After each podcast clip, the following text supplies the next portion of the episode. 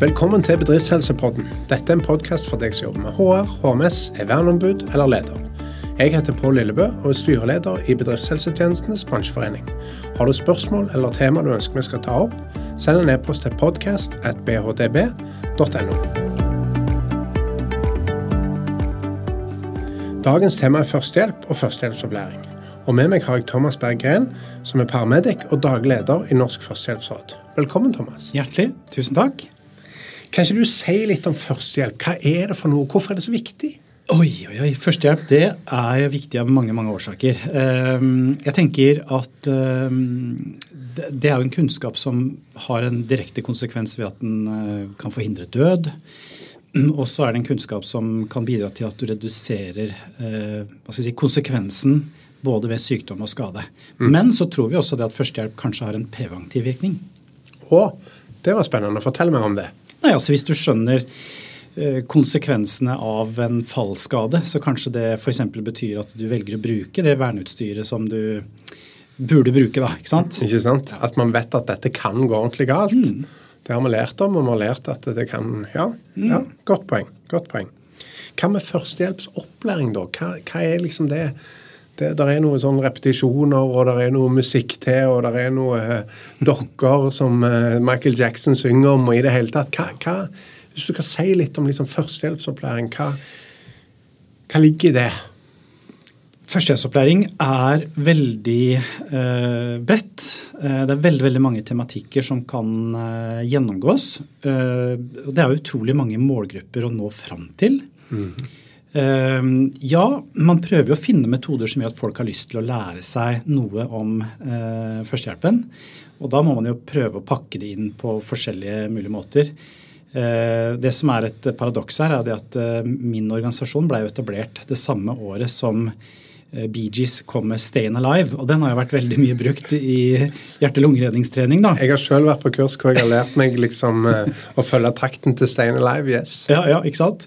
Eh, men det fins jo mange mange andre metoder til å gjøre det. Mm -hmm. Men førstehjelp det er jo eh, noe som vi selvfølgelig mener at alle i befolkninga eh, bør kunne.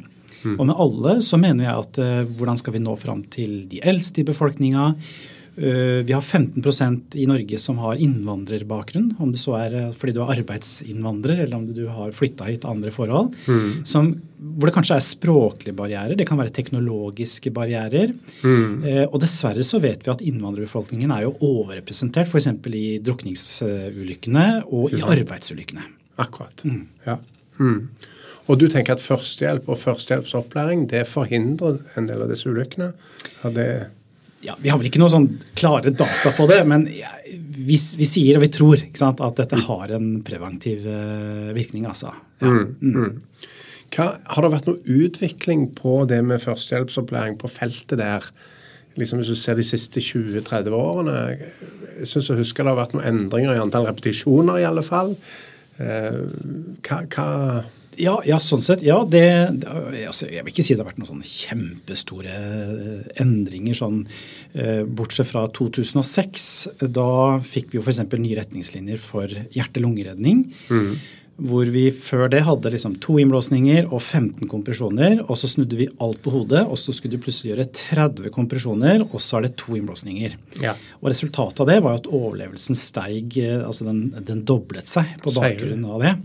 Så Det kan du jo si er en, en stor og en viktig um, endring, mm. som jo er basert på forskning og evidens. Ja, ikke sant? Og, og jeg vil jo på en måte si at Førstehjelp i dag, altså i 2023, er jo i større grad bygget på nettopp evidens.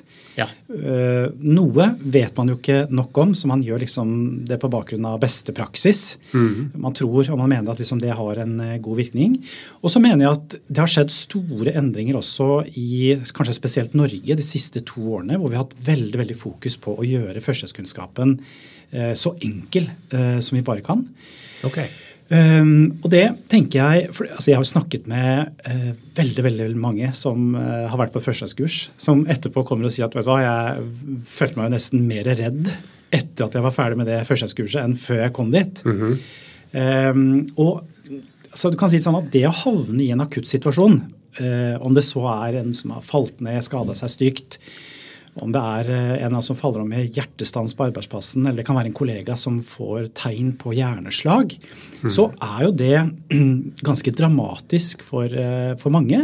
Veldig. Og da tror vi veldig på at den kunnskapen du har lært om førstehjelp, den skal jo være så enkel at du tør å bruke den i praksis. ikke sant? Mm. Så eh, sånn fokus på armer og bein i ulike retninger vi toner det litt ned. Ferdig med det? Eh, ja, altså Vi er ikke ferdig med det, men du skal på en måte ha... Det er ikke ha, det viktigste lenger. Nei, altså, Du skal ha liksom eh, fokus på prinsippene. da. Mm. Det vil si at Få den over på siden. Altså Det er ikke bra å ligge bevisstløs på rygg, det vet Nei, vi. Det vet. Mm. Sånn, men på siden, og så må du følge med og, og, se at den puster. Da er liksom jobben gjort. altså. Mm. mm. Og puster man ikke? Ja, da må du starte hjerte-lungeredning. Ja. ja. Hva, hva, tenker du liksom 113 får noe hjelp eh, til dette du skal gjøre, eller er det å sette i gang? Ja. Det er liksom forskjellige skoler, hvis du kan si det, i forhold til hva som er Bør man få assistanse, eller bør man liksom bare sette i gang? Nei, du, altså øh, Ja. Øh, vi, vi, gjør det sånn at hvis mulig, så bør du så tidlig som mulig oppdage mulig alvorlig tilstand. Mm. Og så må du passe på din egen og selvfølgelig andres sikkerhet. Mm. Og så skal du så tidlig som mulig varsle 113. Ja. Og eh, Et eksempel på det er fra gammelt av. Altså, det kom jo så nye retningslinjer i 2021. Og Da sa man at du skulle sjekke bevissthet, du skulle gi fri luftvei, du skulle sjekke pust. Ja, det var en sånn lange liste, husker jeg. Ja, I ti sekunder. Og så skulle du ringe 113. Mens nå sier vi liksom at han reagerer ikke på bevissthet. Da ringer du 113. Fordi du klarer kanskje å gi friluft og sjekke pust mens du har trykka 113 på telefonen din og trykka på 113-tasten. ikke sant? Så får mm. du råd og veiledning. Mm. Og så kommer jo hjelpen mye mye raskere fram. Ikke sant? Mm. Så er det vel noe med at det er en slags trygghet med å ha de der i andre enden òg, som kan fortelle litt hva gjør du nå? Ja, og vi har jo en del data på det her. Vi veit f.eks. det at uh, det er kun Altså er I 89% av alle henvendelser til 113 om hjertestans, så er det de som sier til innringer at du skal starte hjerte-lungeredning. Såpass, ja. Så så vanskelig er det for folk flest å skjønne den personen som ligger der, som kanskje er grå og blå, eh, og som puster noen ganger litt sånn merkelig, at det er en hjertestans. Mm. Så det mm, forsterker jo tror jeg mye på at jo, ring 113 så fort som bare mulig. Ja. Vi har jo sett noen sånne tilfeller av at man faktisk blir veileder fra A til Å. Der har man profesjonelle helsemedarbeidere som er proffe på akuttmedisin. ikke sant? Det er noe helt annet enn når man står der alene. Jeg tenker sjøl på liksom, ja, jeg har vært på flere førstehjelpskurs. og ja, det, det, det, det, er en terskel for å gjøre det. altså. Jeg mm. håper noen andre kan det bedre. Jeg håper det er en lege eller sykepleier til stede. altså. Jo, men jeg tenker at du, altså, alle skal kunne gi førstehjelp. Jo da. Um, Helt uavhengig av om du har en helseprofesjon eller om du ja. sant? Altså, Men man håper liksom at det er noen som har den. Og det, det tenker jeg litt, det, Hvis man har det på telefonen, så, så, er det en slags trygghet i det òg. Altså. Mm. Mm. Man er litt redd for å gjøre feil. Ja, og uh, det er jo litt sånn bra at du sier det, da, Pål. fordi jeg tenker jo at her kan du jo ikke gjøre noe feil. Altså, Vi er veldig veldig forsiktige med å si at du har gjort feil førstehjelp. Mm. Den største feil man kan gjøre, er kanskje ikke gjøre noe. Ikke sant? sant? Alle kan gjøre noe. Er du ja. usikker, ring i hvert fall 113, så forteller jo de deg til og med øh, hva du kan uh, gjøre. Og så har vi også fått ny teknologi for 113-sentralene ved at uh, øh, 113 kan jo ta over mobilkameraet ditt. ikke sant? Og så kan de, har de plutselig fått øyne på stedet. Wow. Så blir det lettere for de å forstå situasjonen og gi deg riktig veiledning basert på det som har oppstått. da. Mm. Spennende. Hva krav er det egentlig til førstehjelpsopplæring på arbeidsplasser? Ja, eh, det er litt sånn vagt. Vi skulle selvfølgelig ønske at alle virksomheter i en eller annen grad hadde et eller annet pålegg om førstehjelpsopplæring. Mm. Det er det jo ikke, men vi er jo kjent med at spesielt elektrikere de skal jo ha et sånt årlig FSC-kurs mm. hvor mhm. førstehjelp er en del av det. Ja. Og så er det jo egentlig ikke noe sånn satt opp i forhold til FSC-opplæringen hva førsteopplæringen skal inneholde. Men den bør jo i hvert fall inneholde noe om strøm, eh, ikke sant? Mm -hmm. og så har du jo f.eks. sektorer som eh, barn og unge, altså barnehager, skoler, som vi har underlagt forskrift om miljøet av helsevern. Mm -hmm. Der også står det noe om førstehjelpsopplæringen. Mm. Og så opplever nok jeg at i mange av disse forskriftene så står det kanskje 'bør' i litt for stor grad. Dvs. Si at eh, er det et skal-punkt, så er det ikke noen tvil. Men er det et bør, så kan du jo egentlig omgå de anbefalingene litt. Da. Mm. Men utover det så er det jo selvfølgelig bransjer, altså offshorebransjen, flybransjen, som jo har veldig klare kvalitetskrav. Mm. Mens andre gjennomfører førstehåndsopplæring på bakgrunn av sin egen ROS-analyse, tenker jeg. Ja. For det er jo faktisk arbeidsgivers plikt til å sikre et forsvarlig fysisk, men også psykisk arbeidsmiljø. Mm. Det er vel en del av krav i helsevesenet i seg sjøl? Ja, det er det også. Mm. Mm. Hvordan tenker du at bedriftshelsetjenesten kan bidra i forhold til førstehjelpsopplæring? Det er jo, øh, altså Vi tenker jo førstehjelpsopplæring det er jo noe man bør få i et sånt livslangt perspektiv. Mm. Uh, vi har jo veldig gode prosjekter som uh, f.eks. sørger for at barnehagebarn lærer seg noe om enkel førstehjelp. Og så er det fokus på førstehjelpsopplæring i grunnskole, og så begynner du kanskje på en eller annen yrkesutdanning etter det. Mm. Og så skal du jo kanskje ta et førerkort hvor du har trafikalt grunnkurs, og mm. der er det jo førstehjelp. Ja. Um, Dere men, treffer liksom hele oppveksten fram til førerkort? Ja. Uh, og, så, og, så, har vi et stort gap. Mm. Hvor det egentlig er førstehjelpsopplæring i yrkeslivet som er fokus. og uh, Pål, du har vel sikkert noe tall på hvor mange mennesker, uh, la oss si din egen forening, Eh, er i kontakt med. da. Eh, ja, altså, Eller bedriftshelsetjenestene generelt, kanskje? Mm, ja, vi, vi er jo, altså Bedriftshelsetjenesten er jo et lovkrav for over halvparten av norsk arbeidsliv, som betyr over to millioner mennesker, ja. som har et krav om å være tilknyttet bedriftshelsetjeneste. Så betyr ikke det det samme som at man har førstehjelpsopplæring. Men, men, som en representant for bedriftshelsetjenesten sjøl og har jobba her i mange år, så ser jeg at veldig mange krever og ønsker førstehjelpsopplæring egentlig som et tilbud. Ja. Og som en sånn type enten en del av en ROS-analyse, en del av en sånn helt naturlig helse-, miljø- og sikkerhetsopplæring. Mm. Fordi at man tenker at eh, hva er det verste som kan skje på vår arbeidsplass? Mm. Jo, det er jo at noen får hjertestans og dør. Ja, men sannsynligheten for den er jo De ser vi jo på statistikk i grunnlaget at eh, Heldigvis veldig liten. Ja. Men dog. Men det er jo veldig, altså det er ekstrem konsekvens hvis det skjer. Akkurat det. Ja. Veldig høy konsekvens. Og så tror jeg det er litt sånn som du sier òg, at det er noe med totaliteten her. Mm. At med å vise at dette er en bevisste på, mm. så tenker man litt lenger enn OK, hvis jeg faller ned der, mm. så vil jeg trenge den førstehjelpen som jeg har lært meg òg. Ja. Så at, at det òg er en litt sånn vekker på, på en del ting som vi ikke gjør. Jeg tenker jo Med to millioner mennesker som BHT-ene er i kontakt med, så er det jo et enormt potensial for å få økt førstehjelpskunnskap ut til befolkninga. Mm. Um, og sånn som jeg tolker det, så er jo kanskje bedriftshelsetjenestene en av de um, om ikke den største aktøren som faktisk gjennomfører førstehjelpsopplæring i Norge. Uh, jeg skal ikke si det med, med sikkerhet, men, men, jeg tenker at de har i hvert fall en veldig, veldig viktig rolle på det. Og så tenker jeg at det er jo liksom viktig eh, med fokus på hva det er vi er ute i virksomhetene og formidler også. Hvordan det blir formidla. Og at BHT-ene også ser litt på Norsk Førstehjelpsråd i forhold til hvordan vi forenkler kunnskapen. og eh, ja, altså Vi er jo liksom opptatt av bedre overlevelse og mindre konsekvens.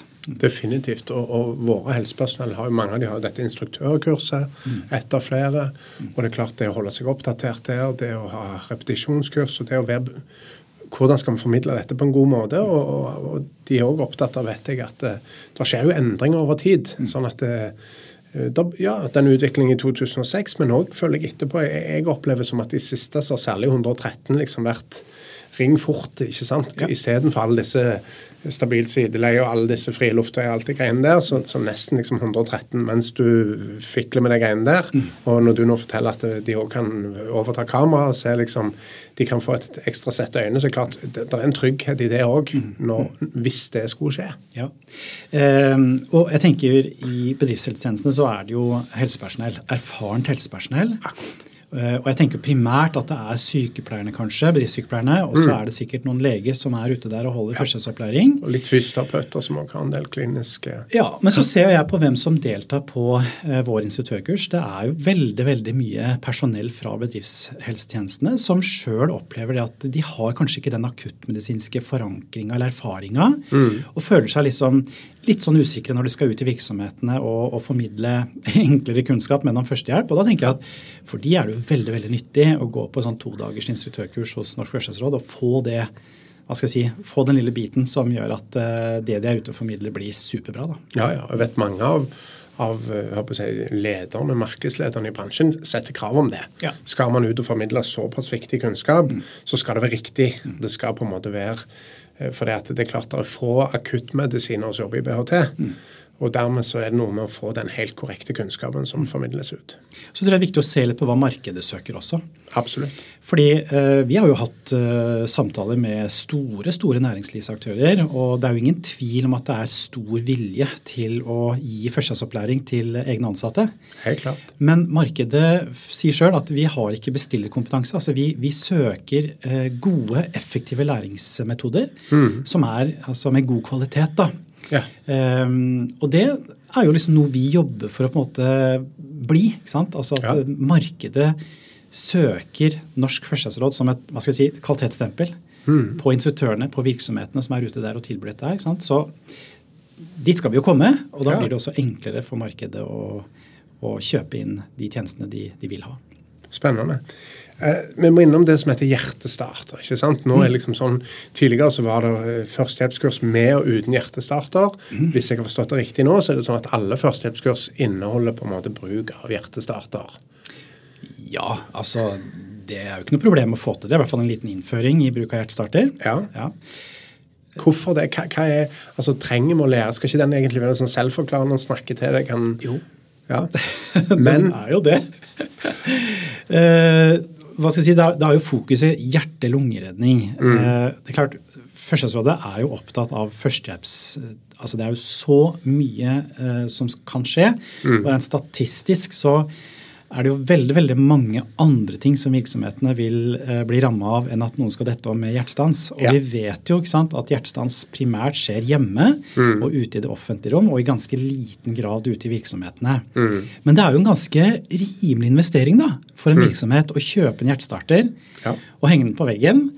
Eh, de bør selvfølgelig registrere den i det offentlige hjertestartregisteret, 113.no. For da ser også 113-sentralen hvor den er, eller kan fortelle andre ansatte. Du, I første etasje der henger en hjertestarter. Ja. Og så er det lurt at man har litt kunnskap om hvordan denne her eh, fungerer. En introduksjon. Mm. Um, og grunnen til at den um, er så viktig, er jo det at muligheten til å overleve en hjertestans den faller med omtrent 10 hvert eneste minutt. ikke sant? Ja, ikke sant. Og ambulansetjenesten bruker jo tid på å komme ja. fra. Det kan være vanskelig trafikkbilde, det kan være lange avstander. Mm. Det kan være byggeplasser hvor det er vanskelig å navigere og finne fram. Um, sånn at det å få på uh, den hjertestarteren så fort som overhodet mulig, um, det øker jo sjansen til overlevelse betraktelig ja, det det, ja. uh, for pasienten. Ja.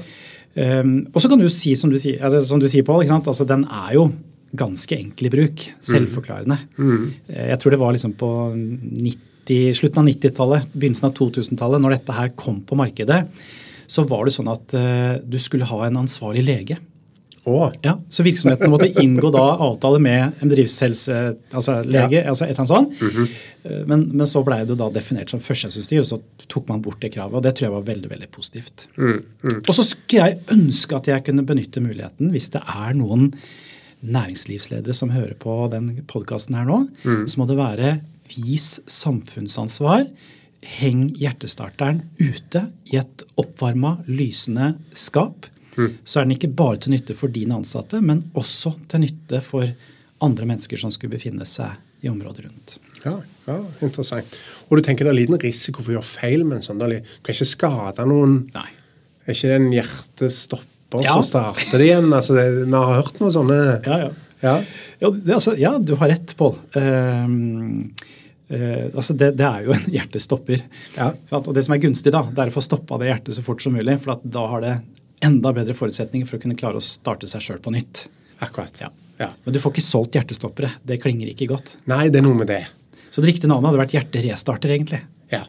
Og, og, du tenker at selv, hvis jeg ikke har en stans, og noen setter den på meg, så vil den ikke starte da? hvis... Nei, ja, det vil den ikke. Nei, Nei. det er riktig. Så det er ingen fare for at vi stanser et hjerte som egentlig slår? Ja. Det var mitt spørsmål. Ja. Ok. Hvis jeg skulle, altså, Hva er etter din mening det viktigste man må vite om førstehjelp? Hva er, liksom, hva er ABC? Hva er sånn, hvis du bare skal kunne noe, så må du kunne dette. Åh, oh, ja. Uh, og jeg tenker at jeg nesten har lyst til å si det jeg sa i starten. Ja. Så at du skal kunne klare å gjenkjenne mulig alvorlig tilstand. Ja. Sånn at du får ringt eh, 113. Altså Det er jo det alle lurer på. Når er man så dårlig at man ringer 113? Mm. Eller når velger vi å si til kollegaene våre at du tar deg to Paracet, og så drar du hjem? Som kanskje ikke alltid er så lurt. Mm. Eh, eller når skal vi kjøre en fra byggeplassen da, og bort til en legevakt med falt ned fra et tak? Altså, sant? Mm. Det er jo en grunnleggende veldig viktig kunnskap. Kunne ringe 113, og selvfølgelig helt sånn elementære ting som at du kan passe på å gi en fri luftvei, Mm. legge noen i sideleie, du bør kunne stoppe en livstruende blødning. Ja. Um, man tenker ikke at det er relevant hvis man jobber i en kontorvirksomhet, men jobber man på byggeplassen eller på et slakteri, så er det klart at det er jo kjemperelevant. Ja. Um, og så bør du ha litt kunnskaper om nedkjøling, fordi vi bor i Norge.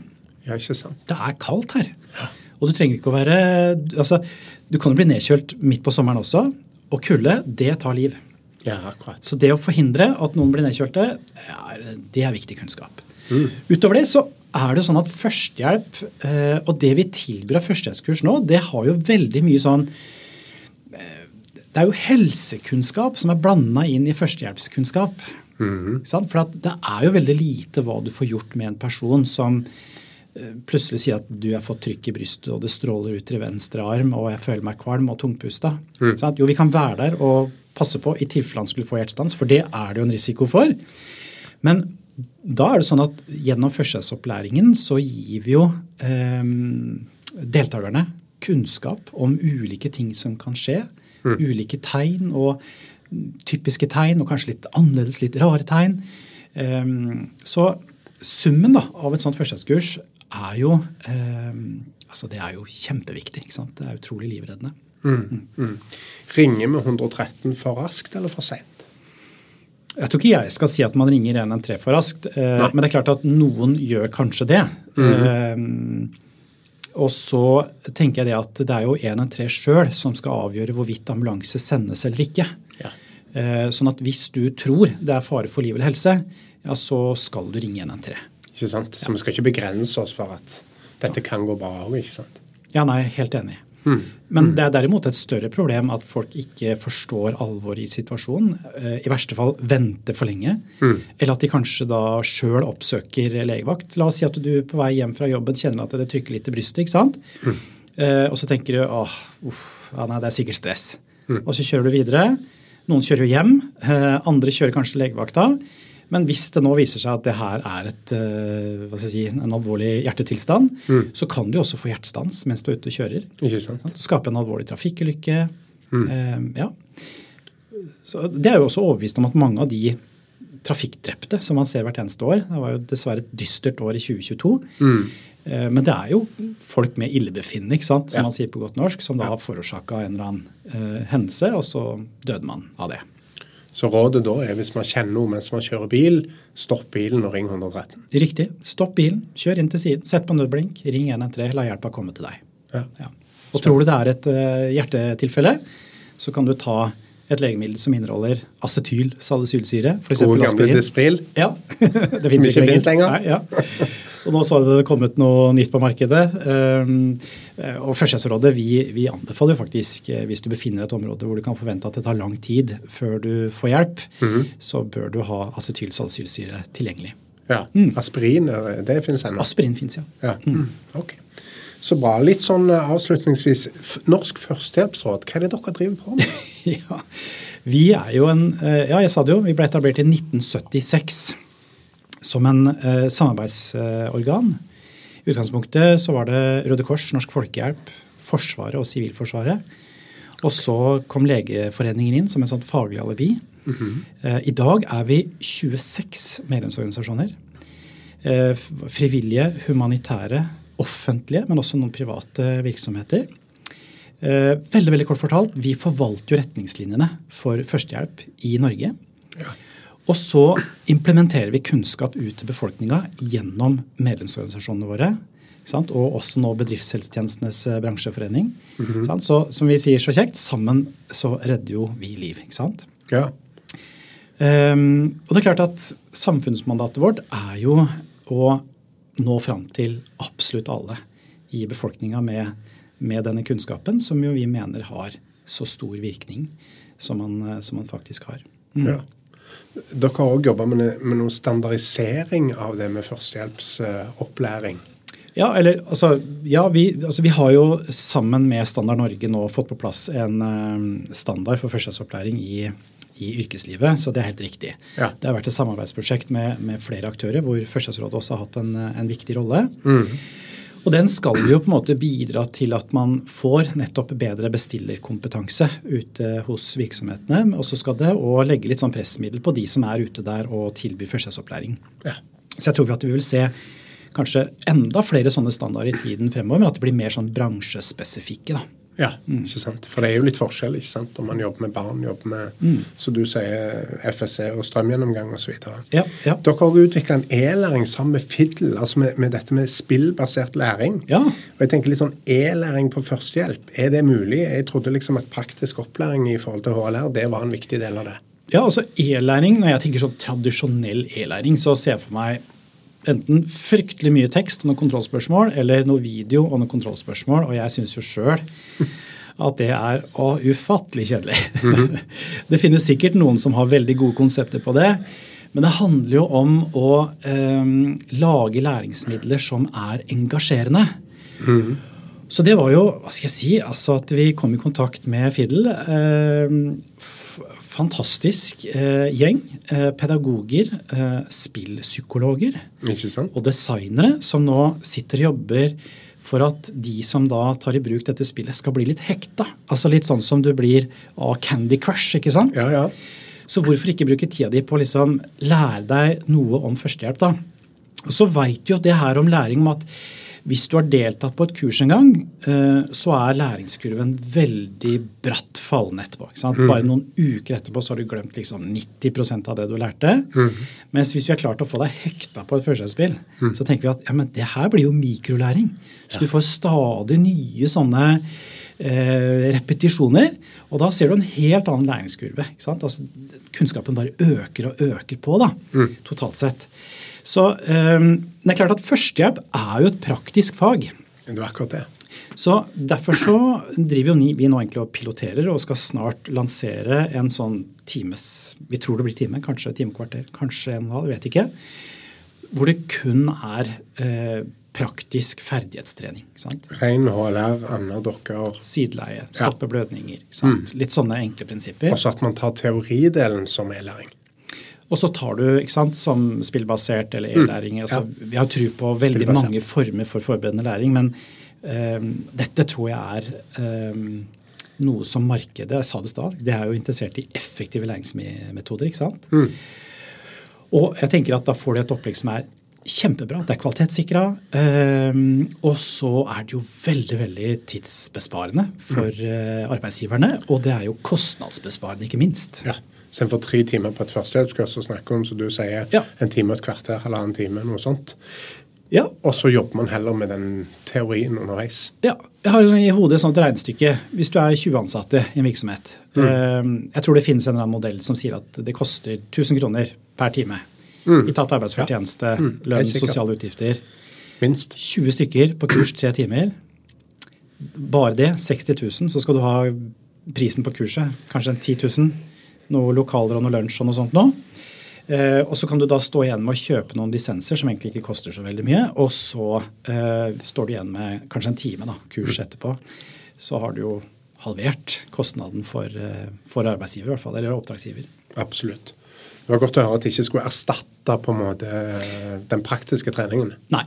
Som jeg, som jeg sa, vi har veldig troen på at uh, det er nok ikke sikkert at markedet nødvendigvis er klart for å digitalisere alt enda. Sånn at den tradisjonelle førstehjelpsopplæringen, den, den, vil bestå. Mm. Den kommer til å være sånn lenge, lenge, lenge. lenge. Mm. Um, og Det er også grunnen til at vi nå reviderer de kurskonseptene som er i Norsk førstehjelpsråd. F.eks. Norsk grunnkurs førstehjelp, som jo er anerkjent. Mm. Veldig, veldig mye brukt. Men det har jo kanskje vært litt sånn der, litt omfattende. ikke sant? Sånn Fem-seks timers kurs. Mm. Men det vil jo ikke markedet ha. Akkurat. Så revisjonen nå blir nok mer sånn at uh, vår anbefaling er at du skal i hvert fall ha disse temaene her. Og at vi pakker dem inn i en sånn totimersramme. Og så kan du jo da designe kurset ditt uh, etter målgruppa. Ikke sant? Så om mm. det er uh, elektrobedrift eller om det er i industri, så, så, skal på en måte konseptet være sånn at det kan tilpasses veldig. da. Ja. Ja, Det var jo litt sånn det gode gamle 40-timerskurset for verneombud. Det var jo en gang 40 timer, Ja. men det er ingen som kjører det med noe annet enn to dager e-læring nå, stort sett. Altså, Det skjer jo litt. Ok, Helt til slutt, hvis du skulle gi ett råd til lytterne rundt det med førstehjelp, hva er det ene rådet? Oi. Ehm, alle kan gi førstehjelp. Alle kan gi førstehjelp. Ja. Akkurat. Og hva vil være BHT sitt viktigste bidrag? Det er å være pådriver for at næringslivet, virksomhetene, gjennomfører førstehjelpsopplæring og får det til å forstå eh, at det er viktig i forhold til at eh, hva skal jeg si, ansattressursene er de viktigste ressursene som virksomheten har. Ja. Da må vi ivareta liv og helse. Eh, trygge rammer. Få det raskere tilbake i jobb. Ja. Ikke sant? Og BHT skal jobbe med forebygging, og du finner ikke noe viktigere å forebygge enn hjertestans, tenker jeg. da. Nei, generell førstehjelp. ikke sant? Ikke sant? Thomas, tusen takk for gode innspill, og takk for at du kunne komme. Hjertelig takk for at jeg fikk komme.